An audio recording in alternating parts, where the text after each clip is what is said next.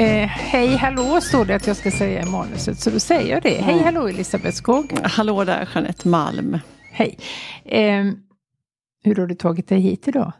På det vanliga viset. det vanliga med en bil. Mm. Tänkte att du skulle säga att du hade flugit för då hade vi fått en sån fin koppling till vårt ämne. Men, Ja, Du kunde hintat det innan så Ja. hade jag genast men då sagt hade det. vi farit med osanning och det vill vi inte. Nej. Eh, Nej men vi ska prata om två jätteintressanta romaner som har starka beröringspunkter med varandra. Mm. Och den ena det är Thomas Spannerheds Korparna som vi har nämnt ett otal gånger. Men inte tillräckligt många för att den är värd att pratas om varje dag faktiskt. I alla sammanhang. Eh, och sen Terje Vesås eh, Fåglarna. Ja. Och den har precis kommit eller precis men ganska nyligen kommit i en översättning av Staffan Söderblom. ja. I original så kom den 1957 av norrmannen då, Terje Vesås. Och eh, Thomas Bannerhed skrev förordet till den. Så att det liksom hänger ihop på många sätt. Väldigt det är inte något vi har kommit på Paket. själva. Nej. Och eh, Bannerheds fantastiska roman Korparna kom 2011. Det känns länge sedan. Mm. Men, eh, Både länge sedan och nära. ja. Men det är också konstigt för att jag kommer ihåg den boken nästan i detalj. Och det gör man inte Ja. med, alltså fatta hur många böcker man har läst sedan 2011. Mm. Ändå så kan den inte liksom lämna mig riktigt. Nej. Och det som var extra eh, spektakulärt med den, det var ju in, både att den blev nominerad men faktiskt tilldelades eh, Augustpriset. Och det händer nästan aldrig med en debutant. För Mm. Man tycker att de ska liksom förtjäna det här under några ska romaner. jobba på ja, och de skriva ska fler böcker. ihop det. Mm. Eh, och jag kommer så väl ihåg när, för att det, man följer ju alltid den här liksom tillkännagivandet. Mm. Eh, och då hade jag en chattkonversation med en, en mig närstående person. Mm. Och då skrev jag så här när det var en minut kvar. Det ska vara att hoppas, hoppas att korparna får den. Mm. Och sen fick han det. Så det var jätteroligt. Eh, vi ska liksom dra lite, vi ska säga så här att båda har vi läst Korparna. Ja. Och du har även läst Fåglarna. Mm. Ganska Jag har den hemma men min son som är hemma på eh, tillfälligtvis norpade den. Så att jag har liksom inte fått tillfälle att läsa den än. Men han berättade en del om sin läsupplevelse. Jag tycker ändå att jag har ett litet hum om den. Ja. Men tro inte att jag kan liksom svara på några djuplodande frågor. Om sådana skulle dyka upp. Då får du både ställa se. dem och besvara dem själv. ja, det ska jag. Jag kommer ihåg att vi var lyssnade på Thomas Bannerhed precis bara dagarna Ja, efter han hade fått precis. veta att han hade fått Augustpriset. Det var så fantastiskt. Det var ju en lyckosam bokning av Laholms bokhandel. Ja. För att sen blev det ju ett himla driv. Ja, då hade ja. de ju aldrig klarat det. Men de hade ju gjort detta redan innan. Liksom. De fattar ju att han var något Smart att ha. gjort. Ja, det var jätteroligt där i Det var väldigt roligt. Och sen var han här på biblioteket. det var han också. Det var också roligt. Ja. Mm. Ehm. Nej men vi har väl försökt att nosa upp där han befinner sig och ta oss dit bokmässan. Och... Precis, väldigt, men han ska vara med i podden också så småningom. Det Ja. var en olycklig omständighet att inte det gick när han var här, Exakt. här förleden. Nej, men han är ju så fulländad som eh, Alltså det, jag tycker det är den perfekta romanen på Mm. Ja, något men det vis. är det. Ja, full av respekt för Mm. honom och hans... Det är ju också ett idogt arbete. Han höll ju på med, med korparna i tio år, Ja, eller över tio Alltså år. varje ord har han liksom Mm. vägt. Finns inte ett ord som är där av en slump. Kommer du ihåg att han sa Ja, det? jag kommer ihåg det. Jag kommer också ihåg vad, han, vad förläggaren Svante Weiler sa. Att det händer nästan aldrig, eller det händer aldrig att man får ett manus som är så färdigt. För det Nej. är alltid, det ska redigeras och strykas och Mm. kanske tänkas om eller med Ja. perspektiv. Eller, ja, det kan vara allt möjligt. Det är nästan Mm. alltid sådana saker som ska ske innan det kan bli en bok. Och, Men det behövdes och inte det, det här fallet. behövdes inte för den var färdig när den landade där på förlagsrummet. Jag kommer också ihåg, om vi nu ska hålla oss Mm, fast vid detta, det men jag kommer ihåg att han berättade, för att den handlar ju, vi kommer ju återkomma till det, men den handlar ju, det är väldigt initierad skildring av fågellivet. Mm. Och så tror man då omedelbart att han har skrivit den för att liksom få en chans att skriva, liksom, se här vad jag kan om fåglar. Ja, Eh, eller att han hade valt fågelperspektiv. Eller fågelperspektiv För att men han kunde för att det han, så mycket. precis. Men så var det ju Nej. inte alls. Han visste ju ingenting. Eh, och då, utan han är ju visserligen uppvuxen på landsbygden Mm. men boende i Stockholm sedan många år och liksom kunde ingenting om djur och natur. Nej. Eh, Nej. men hade väl insett en dag när han har stått och stirrat upp mot ett träd att herregud jag vet inte ens vad det Spännande här grejer. Ja, det här går ju inte. Nej. Och sen hade han dykt ner i det så att det var ju verkligen för att kunna skildra det här i Mm, boken. Men mm. det är så otroligt, alltså man lär sig så mycket Mm. om djur och Mm. natur och särskilt fåglar. Rördromen glömmer man ju aldrig. Nej, det gör man inte. Eh, men du, Mm. dra. Ska vi dra först liksom varje bok? Ja, men det tycker jag vi Korta gör. som, sammandrag. Men kan inte du dra fåglarna Jo. då, Vesås? Ja men det gör jag så gärna. För det, eller ska vi, vi kan också jämföra tycker jag lite. Om, Ja. ja. Ehm, för då är det, det finns ju vissa yttre likheter och inre som Mm. är ganska uppenbara. Om man börjar utifrån så är ju miljön är ju det är ju landsbygd i båda böckerna. Det är Mm. långt ifrån stadens larm. Det är Ja. landsbygd. Och tidsmässigt så, så tänker jag väl att, att Vesås utspelar sig där någonstans på 50-talet. Det, det finns inte så himla mycket tidsmarkörer men, men det är ju ja, någonstans där. Och Bannerhed, där har vi ju 70-tal så det är ju inte Ja. så. Slutet på 60, början på Början på 70-talet. 70, ja. Eh, och det är ett begränsat antal personer som det handlar om. Det är familjer men de ser lite olika ut. I Vesos bok så är det ett, ett syskonpar. Stora syster eh, och hennes bror. Och de är ju vuxna båda två. Och hon börjar, Hege heter systern. Ja, precis. Eh, hon börjar bli lite gråhårig. Så det kan man bli ganska tidigt. Men jag tänker att hon är 45 års ålder någonting, Ja. inte äldre.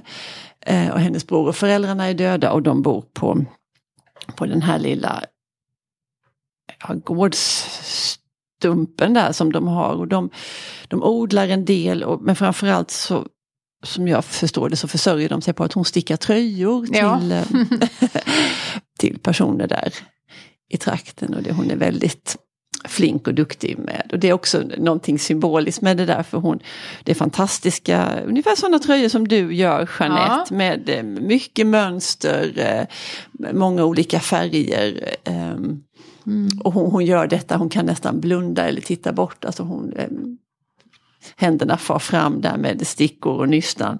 Mm. Och, ehm, och hennes bror då. Ehm, han har ju, det står ju inte såklart att han har någon diagnos men det är ändå, man förstår det, där är någon Det var inte så utvecklings- mycket diagnoser Nej, det på den inte- tiden. nej. Man fick liksom vara som man var utan att det skulle behöva sätta I alla fall etikett så på det. kallades det ingenting. Nej, så det vet jag inte om man kallades fick inget. Nej. vara som man, men, Nej, det, men man, det ja. behövde inte heta något Nej, speciellt. Ehm, och han har ju inte det här, de här flinka händerna utan det är väldigt det, det är fumligt och svårt för honom. eh, och han beundrar alla, med- ja, men han, han ser ju såklart den här skillnaden mellan sig själv och andra. Och att, att de andra är så skarpa, det är Ja, ett ord som det. han ofta Mm. de är, de är snabba och skarpa och liksom smarta och de förstår grejer och de får saker gjorda som han inte. Och det här är så tydligt då med hennes det här Mm. raska stickandet. Och Men hon har koll och han har inte koll. Mm. Får man någon känsla av att hon offrar sig för brodern att stanna kvar? Ja, Eller, för att det ehm. naturliga hade ju varit att hon hade eh, kanske flyttat därifrån och fått en Ja. egen familj. Men det här är ju de två som bor där. det är de två som bor där och det kanske För inte han var så... hade väl kanske inte klarat sig ensam. Nej, det hade han ju inte gjort. Nej. Nej. Och hon kanske inte Men det finns ingen bitterhet i det? Att, Många... Det finns en trötthet. en trötthet, den Ja. kan man ju förstå. Ja. Eh, det finns också en djup kärlek och de förstår ju, de känner ju varandra utan och Ja. innan. Och de, jag kan tänka mig att det blev så, det var väl kanske inte något aktivt val Nej. från henne. Men det är ju ett, ett, och också kanske lovat ändå. föräldrarna att hon skulle ta hand om sin bror när de dog. Mm. Det kan ju, Ehm, men, men visst märker man att hon är dödstrött på honom, in till döden trött Men det gör det ju bättre skulle jag vilja säga. För hade hon inte varit Nej. det hade ju inte varit Sannolikt. Nej, nej. verkligen inte. Um, nej, och hon, hon, vill ju gärna att han ska hålla sig, att han ska gå iväg och se om inte han kan få liksom, ta något dagjobb på någon av de andra gårdarna, de stora mm. gårdarna runt omkring. Att han ska plocka, rensa i något land eller plocka betor eller ja. liksom vad som helst. Men han drar sig ju för det här. För de inledande kapitlen handlar ganska mycket om det här. För han vet att det blir inte bra. Nej. Han, um, antingen så får han inget jobb och då tycker han det känns olustigt och lite kränkande sådär att de inte vill mm. ha honom. För han förstår ju, det behövs ju arbetskraft men, ja. men han är liksom ingen tillgång där på arbetsmarknaden i den här byn. ja, det är väldigt sorgligt och precis det här att han, han inser ju sina tillkortakommanden. Men vad är hans grej då? Är det någonting? Mm, hans grej är två. Flickor är den ena. Han är okay. väldigt intresserad. Han har ju aldrig haft någon flickvän eller Nej. någon relation. Så Men han är väldigt, han tittar på flickor och hur de ser ut och hur fina de är. och sådär. Mm. Eh, sen är han också särskilt intresserad av den här morkullan. Mm. Eh, det är ju något gemensamt drag som med Bannerhedskorparna. Mm. Där är det ju ett vidare fågelintresse. Här är det fåglar i allmänhet och morkullan i synnerhet. Och, och, hur att han blir alldeles till sig när han upptäcker, alltså jag kan ju inte det här riktigt med morkullan men så mycket har jag förstått att de, att det är liksom, de flyger i sträck sådär mm. eller det är någon särskild rutin de har på kvällar eller nätter, tidiga okay. nätter. Ja. Att de flyger som i en båge liksom. Okay. Um, jag tänker där de har sitt bo eller vad de har och så gör de en särskild mm. liksom, runda och så de tillbaka. De patrullerar sitt revir ja. på något vis. Inte vet jag, Nej. men så gör, att det är något väldigt mytomspunnet och lite magiskt med ja. de här. Och, att, eh, och plötsligt så, en, så är det en morkulla som ändrar sitt sånt här, jag vet inte, det kanske inte ens heter streck, men vi kallar det för det. Mm. Den här rundan, så att den flyger över där de bor. Um, och det tycker han ju är alldeles fantastiskt. Mm. Uh, han blir väldigt exalterad och uppjagad och han ska sitta uppe. För om det här sker kanske 12-1 på natten så vill han inte missa det. Uh, mm. Och systern tycker ju att ja, ja, det är väl skojigt men gå och lägg dig och sov. Du får mm. inte ändra på din dygnsrytm här nu för detta. Så, men han är väldigt, väldigt exalterad och han berättar också för alla som vill höra på vilket inte är så många, men Nej. han berättar i alla fall om, om det här fantastiska att det flyger en morkulla över deras. Mm. Och det kan man också eh, ana sådär att det kan berätta inte det för människor är inte så intresserade och han berättade också för en ung kille där i byn som, eh, som blir lite intresserad för han har precis börjat skjuta med sin, ja du förstår. Och det, mm. där fattar man ju på en gång att, ah, sluta, men han vår huvudperson pratar ju på detaljerat mm. och var detta sker och därför mm. han ville dela med sig av den här. Ja. Så, och den här unga killen i byn skjuter ju såklart hans. Ja. Och det, man kan också se det som ett, liksom ett förebud på något vis av hur det ska gå i den här boken. För jag, nu tycker inte jag vi behöver hålla på sådär med att vi spoilar handlingen nej, och sådär. Det, för det är verkligen ingen sån nej. bok. Nej men jag um. tänker att det är, för att det är ju uppenbart att Bannerhed har läst Fåglarna ja. och liksom att det är ju ingen det är ingen hemlighet. Nej, det, det är ingen hemlighet sagt, ja. och han har liksom gjort något helt annat men också med klara likheter mm, där. För då mm. tänker jag att motsvarigheten är väl nästan akorna i korparna när de drabbas av blixten. Blixt, för det får ju mm. också ganska mm, dramatiska precis, ja. konsekvenser i familjen. Ja, verkligen. Uh, och sen så kan man också, och i korparna, i Bannerhedskorparna så är det ju, där är det ju inte huvudpersonen som har det här psykiska Nej. lidandet och de här svårigheterna, det är ju pappan. Mm. Ja det är ju gossen Klas som är berättare, det är ju hans mm. perspektiv, men mm. vi förstår ju då att det här är ju Småland och det är tidigt 70-tal eller mm. brytningen där. Mm. Och gården, alltså att driva lantbruk i Småland det är nog svårare än på något annat ställe tror jag. Mm. Om man har det minsta, om man sett utvandra. Alltså det är mm. mycket sten och det är kargt och det är jobbigt och det är mm. allting är emot en på något sätt. Det är, miss, det är missväxt och oro. Ja, det, funkar aldrig som det ska. Nej. Och den här lilla, lilla gården har ju gått i arv i generationer och om inte Klas tar över så blir ju det slutet. Och då blir, det på något vis blir det meningslöst. Då blir det ju allt det här helt de har meningslöst Gjort, de har alla gjort. gärdsgårdar de har flyttat och allt de har grävt. Ja. Och det är så tröstlöst. Mm. Och Claes är ju inte ett dugg intresserad. Nej, tvärtom, utan- är det något han vet så är det ju att det där vill han verkligen inte. Nej. Nej, men han vågar ju inte säga det. Nej. Och pappan är ju inte förmögen liksom. Och han, det, det här är inte intressant vad Claes vill eller Nej, han tycker. nej. Utan det, det här måste han göra. Mm. Och sen är det väl också det här med pappans psykiska ohälsa som vi kallar det Ja. för tiden som gör att, Ja. att Claes inte kan vara helt Nej. eh, tydlig. Han vet ju aldrig vad som utlöser de här...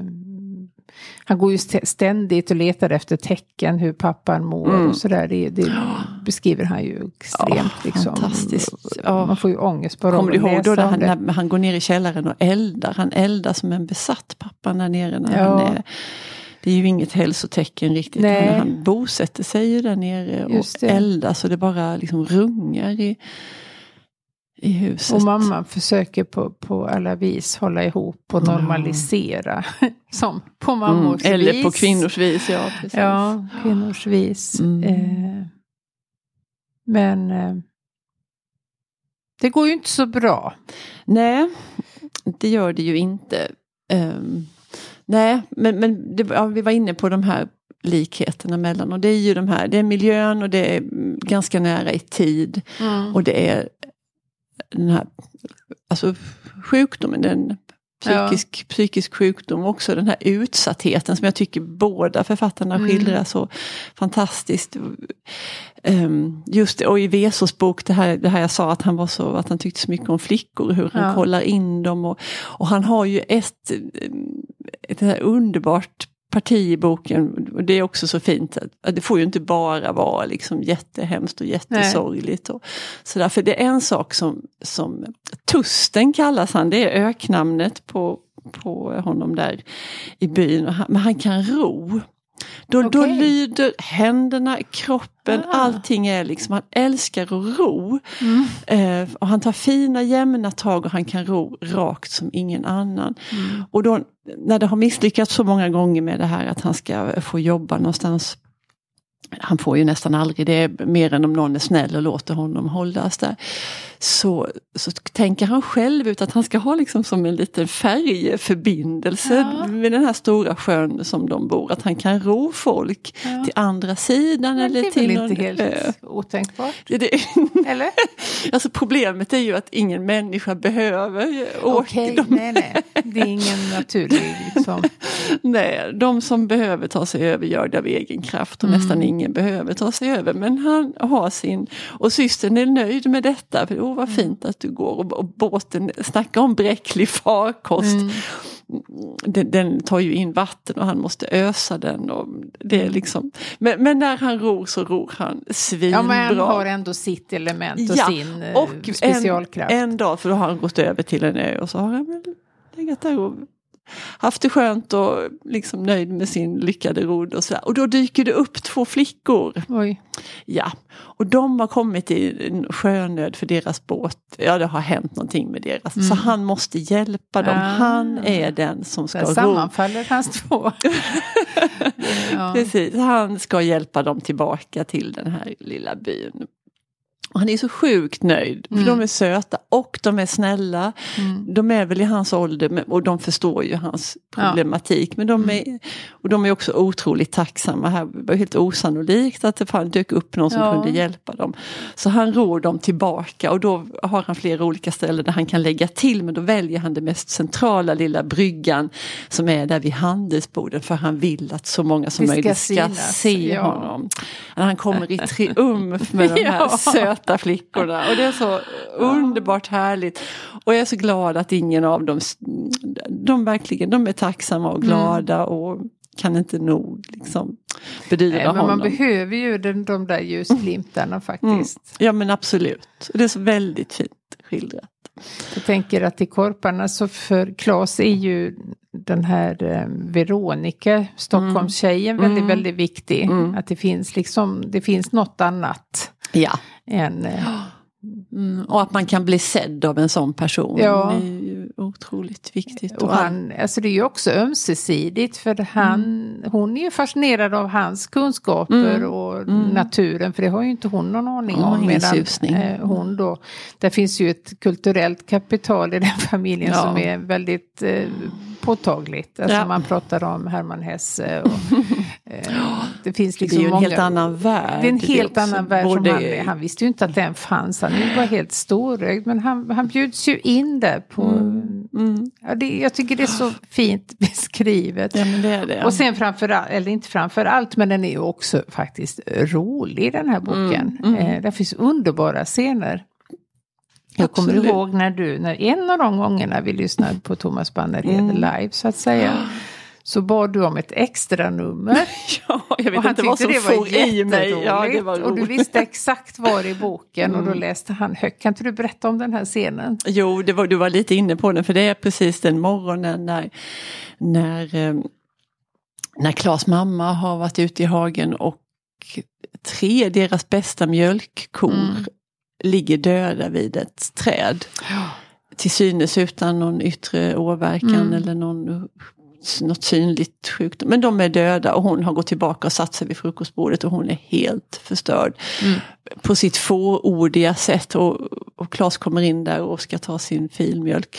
Och han fattar ju på en gång att nu har det hänt. Ja. För han har ju på något Pappa vis hela såg tiden. ju också hela tiden tecken. Han mm. var ju en riktig sån att... Eh, Krösa-Maja, ja, precis. precis. Eh, och mamma försökte alltid lätta upp hans mm. tungsinne. Men ja, fick han det rätt. skulle bli katastrof och mm. det skulle hända fruktansvärda saker. Och nu hade det gjort det. Mm. Eh, och, innan, och, så får ju, och, och, samtidigt då som den här tystnaden och den här katastrofkänslan så står radion på för det gör den alltid för ja. att inte det ska vara så tyst. Och då pågår Ring så spelar vi med Hasse ja. Tellman. Ja, som ju din och min generation i alla fall har hört på samma hör, sätt. Det går ju fortfarande på samma tid varje lördag morgon. undrar mm. om det lyssnas på lika då fanns i alla fall inte så mycket att välja på. Nej, så, bara det där att komma fram och liksom släppas in var ju stort. Ja, och då ringer det upp en gammal generalmajor, typ från Skövde, mm. och han får frågan vad den eh, vad det kallas i det grekiska dramat, den här punkten när, när det uppstår liksom en rening eller en rensning, alltså mm. en, en eh, Ja, alltså det, det, man kan ju koppla det till vad som har hänt, den här katastrofen. Och, det är så himla snyggt. Ja, det är så himla snyggt. Eh, och det är ju det här begreppet katarsis mm. som är det rätta svaret som, ju, som jag vill minnas det från litteraturvetenskapen. Det är ju precis att det händer något fruktansvärt. Det är liksom dramats höjdpunkt. Eh, och den här katastrofen ja. innebär också någon sorts eh, ren, den rening. Den ut, ja, det, ja. det är förlösande kan mm. man väl säga. Ja. Eh, precis. Mm. Ja. Men denna generalmajor som Thomas Bannerhed diktar upp där, han har ju ingen susning om detta. Nej. Men han gissar på Guds nåd, gissar gubben. Ja, Men det var, ja. det var ju många skivor i potten och ja, allt vad det hette.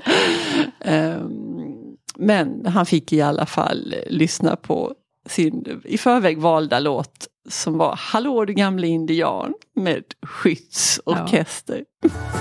Ja.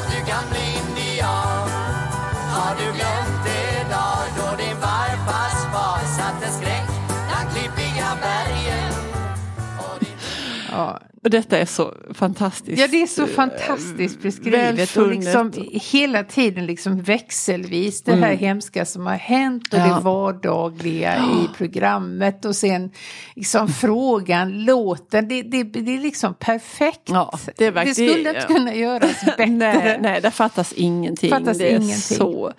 Och att han kan få till det, liksom det här att, att, humorn mitt i alltihopa, ja. mitt i den här fruktansvärda, men det kryper bara man tänker mm. på det här mammas liksom helt uppgivna förtvivlan och, ja. och ena kon var i kalv eller vad det heter. När mm. de, ja. Ehm, men, men ändå med sån till synes lätt hand får han till det. ja, till synes är nog nyckelordet här. Mycket, mycket suddande. Och, skriva om. Men båda de här fantastiska böckerna har ju också blivit film. Mm. Eh, jag såg eh, Jens Assurs filmatisering då av Korparna för inte så väldigt länge sedan. Mm. Och han har ju flyttat miljön från... Det var, jag, jag blev lite förvånad för att det är en sån liksom bärande ingrediens att det här Småland. är i Småland. Mm, mm. Men han har ju flyttat det till Bjärehalvön. Ja. Men det gör ingenting, höll jag på att säga. Eh, och det är väldigt tydligt att Jens Assur jobbar med filmspråket. För att det är nog en av de mest dialogfattiga filmer jag har sett. Eh, den, det sägs inte mycket. Nej. Och, och där är det väl också pappan som är huvudperson Ja, i filmen. Eh, och det är Reine. Brynolfsson som spelar pappan där. Faktiskt storartat Ja. måste jag säga. Eh, så han gör ju någonting helt annat. Eh, han använder grund, grunderna i boken men han gör liksom och det tycker jag är bra. Ja. Att man använder sitt Ja. liksom, uttrycksmedel Ja men så får det ju sätt. vara. Så får det vara. Ja och det vet jag för det jag läste en intervju med Thomas Bannerhed just för det var många som var upprörda, inte bara över flytten från Småland till Nej. Bjäre utan också över att han hade, att det var pappa, mycket snack om pappan och Ja. inte pojken och sådär. Men då sa Thomas Bannerhed att, att han hade lämnat den ifrån sig. Ja. Hans bok var en sak och filmen var något annat. Det var inget Nej men Det det, var väldigt självklart. klokt resonerat Ja, måste jag säga. verkligen. Ja. Men också eh, Vesos bok Mm. Fåglarna har ju blivit en polsk film. Ja, Den har vi inte nej, sett. den hade man velat se faktiskt. Mm. Och den är också, de, de har också gjort dramatik av den och satt Ja. upp den på flera scener i Norge och på Findramaten i Dramaten Sverige. i har den Sverige så, ja, det skulle man ju också ha sett men Mm. eh, det kommer väl kanske Ja, åter. men du vilka himla bra böcker. Ja. Väldigt, eh, ja. Du måste ta tillbaka, du hade lånat ut din bok till sonen där. Ja, Jag tycker du ska ta Men tillbaka han åker snart tillbaka till Ja. sitt. Så att Ja. eh, då lämnar han kvar den. Så Mm. då ska jag fördjupa mig i den. Mm, då har du härlig läsning framför dig. Mm. Mm. Men ska vi stoppa där för idag? Ja det får vi göra. ja, det gör vi. Hej! Och säger hej då!